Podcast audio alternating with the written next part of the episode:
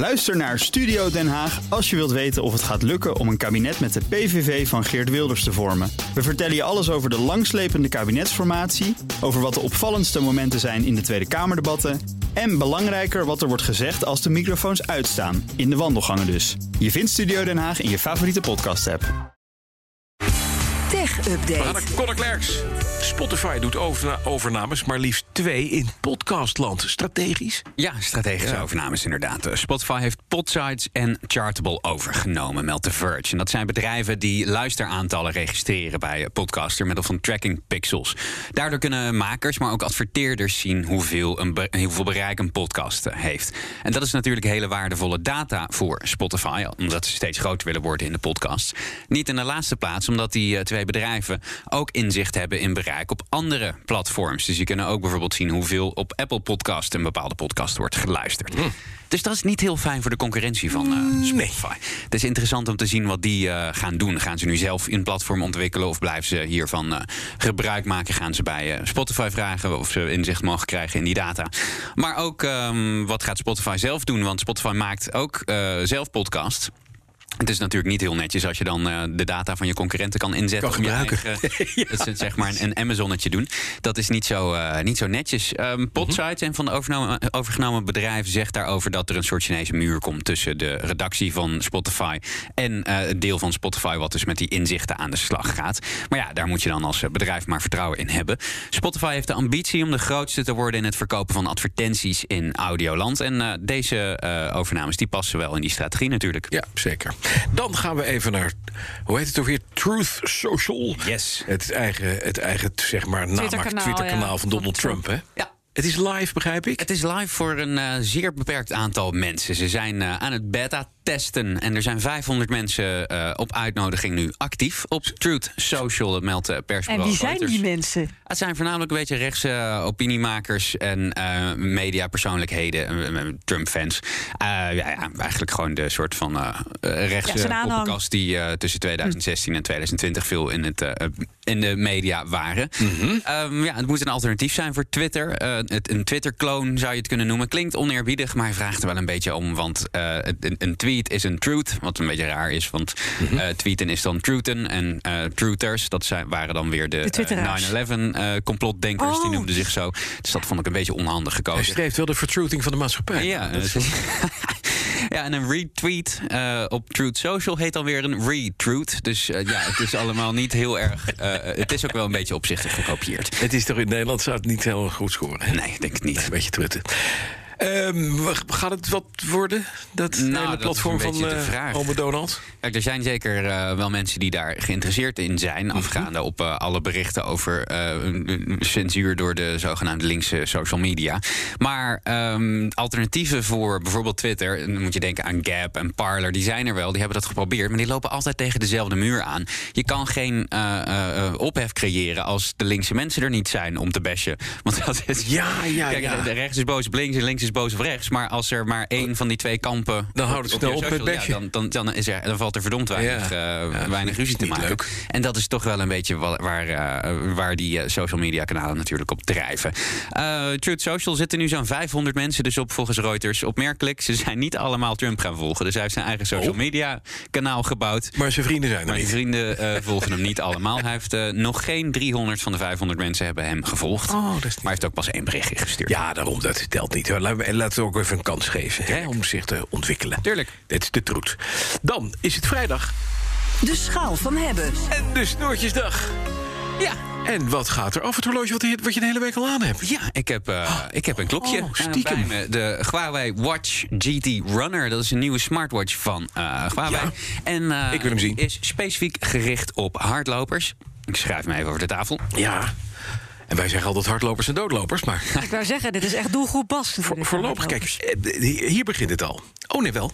Als je hem tilt, dan gaat het scherm aan. Ja, dan gaat het scherm aan. Hé, hé, want er zijn ook van die dingen, dan moet je eerst op knopjes drukken. Maar deze doet gewoon Deze heeft, wat. eh, deze heeft, eh, eh, heeft dat inderdaad wel goed geregeld. Dit is dus de GT Runner van eh Huawei. Die eh, is gericht op eh, hardlopers. Echt maar is ook wel aardig als je, zoals ik, geen fanatieke hardloper bent. Maar wel graag eh, sport. En ook graag statistieken wil inzien over je prestaties. Over je slaap, je hartslag en andere Je gezondheidsdata. hebt, je hebt pas 2200 eh, stappen gezet vandaag. Vandaag? Nou, dat schiet ook niet op. Het is tien voor tien.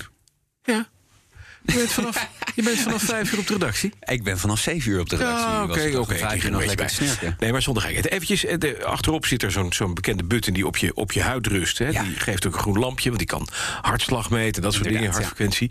Eh, mooi, licht, licht gewicht. Het is een super eh, lichtgewicht eh, horloge. Ik vind hem ook best wel fraai afgewerkt. De hardware vind ik mooi. Hij is licht, maar hij is wel heel robuust. Ehm, vanmorgen, dan zeg ik even als jullie luisteren bij Huawei, dit was niet expres, heb ik hem twee keer heel hard laten vallen. Eh, ja, dat hoort er een Mhm. beetje bij als je in het donker aankleedt om je partner niet wakker eh, te maken. Dan gebeuren dat soort dingen natuurlijk. Dat Ja. Mhm. hoort een beetje bij ochtendradio. Maar eh, ja, partner wakker maken, dat is dus eh, mooi wel gelukt. Want ik liet dat ding twee keer keihard kletteren. Maar zo weet ik ook, hij kan tegen een stootje. Dat blijkt, ja. Het scherm is, is ook mooi, is heel helder.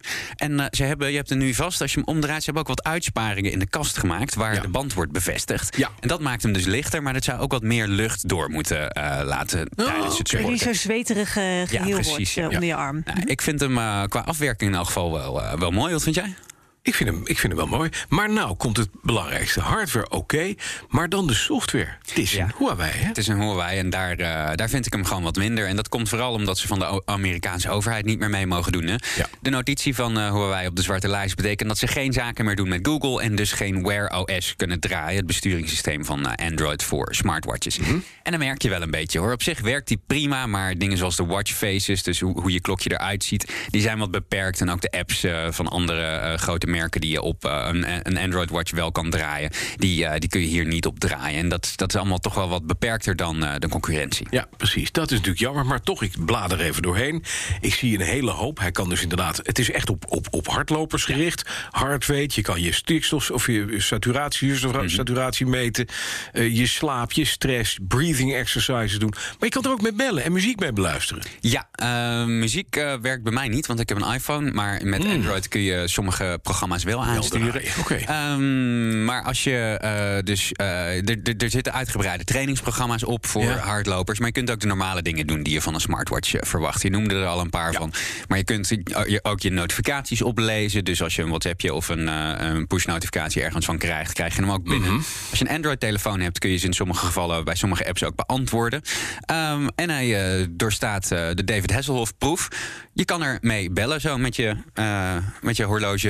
Met je Er zit een microfoon Er in. zit een microfoon in. en een Praat je in speakertje. je polshorloge. Ja, ik heb laatst eh, met jouw regisseur gebeld, Bas, terwijl ik eh, op de fiets zat in Drenthe. Mhm. Zonder oordopjes. Er zit ook een barometer in en een eh, kompas en een goede GPS-trekker. Die stappenteller is ook heel nauwkeurig en de hartslagmeter is heel nauwkeurig. Maar eigenlijk goed beschouwd. Want wat kost dit moois? Laten we daar even over hebben. Hij kost nu 300 euro. En in eerste instantie zou je zeggen dat is behoorlijk aan de prijs. Nou. En dat klopt ook als je kijkt naar andere smartwatches, zoals die van Samsung en die van Apple.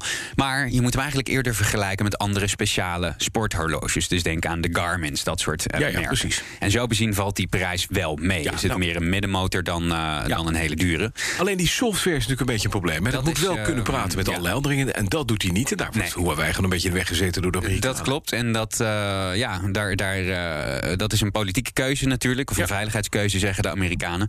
Is jammer voor eh, eh, liefhebbers van eh, Huawei. Want de hardware is weer gewoon heel erg goed. Zoals wel vaker eh, bij zit. De software toch wat minder. Ja. Al met al, ik was er wel blij mee. Eh, ik ga hem een klein beetje missen. Dus ik zeg, Prima om te hebben.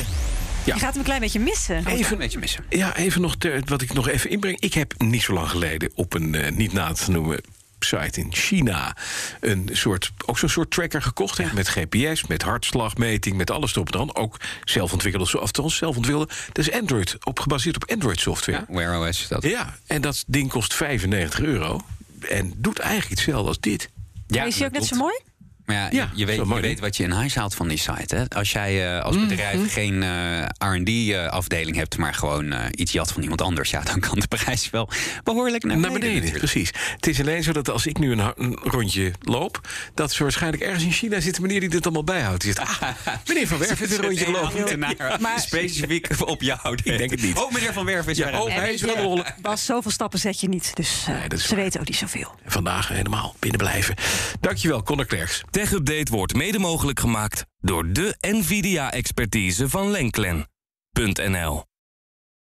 Ook Liesbeth Staats vind je in de BNR-app. Ja, heel handig. Luister live naar Kees en mij tijdens de Daily Move. Dan blijf je ook gelijk op de hoogte van breaking news en het laatste zakelijke nieuws. En daar vind je ook alle BNR-podcasts, waaronder de Perestrooikast. Download nu de gratis BNR-app en blijf scherp.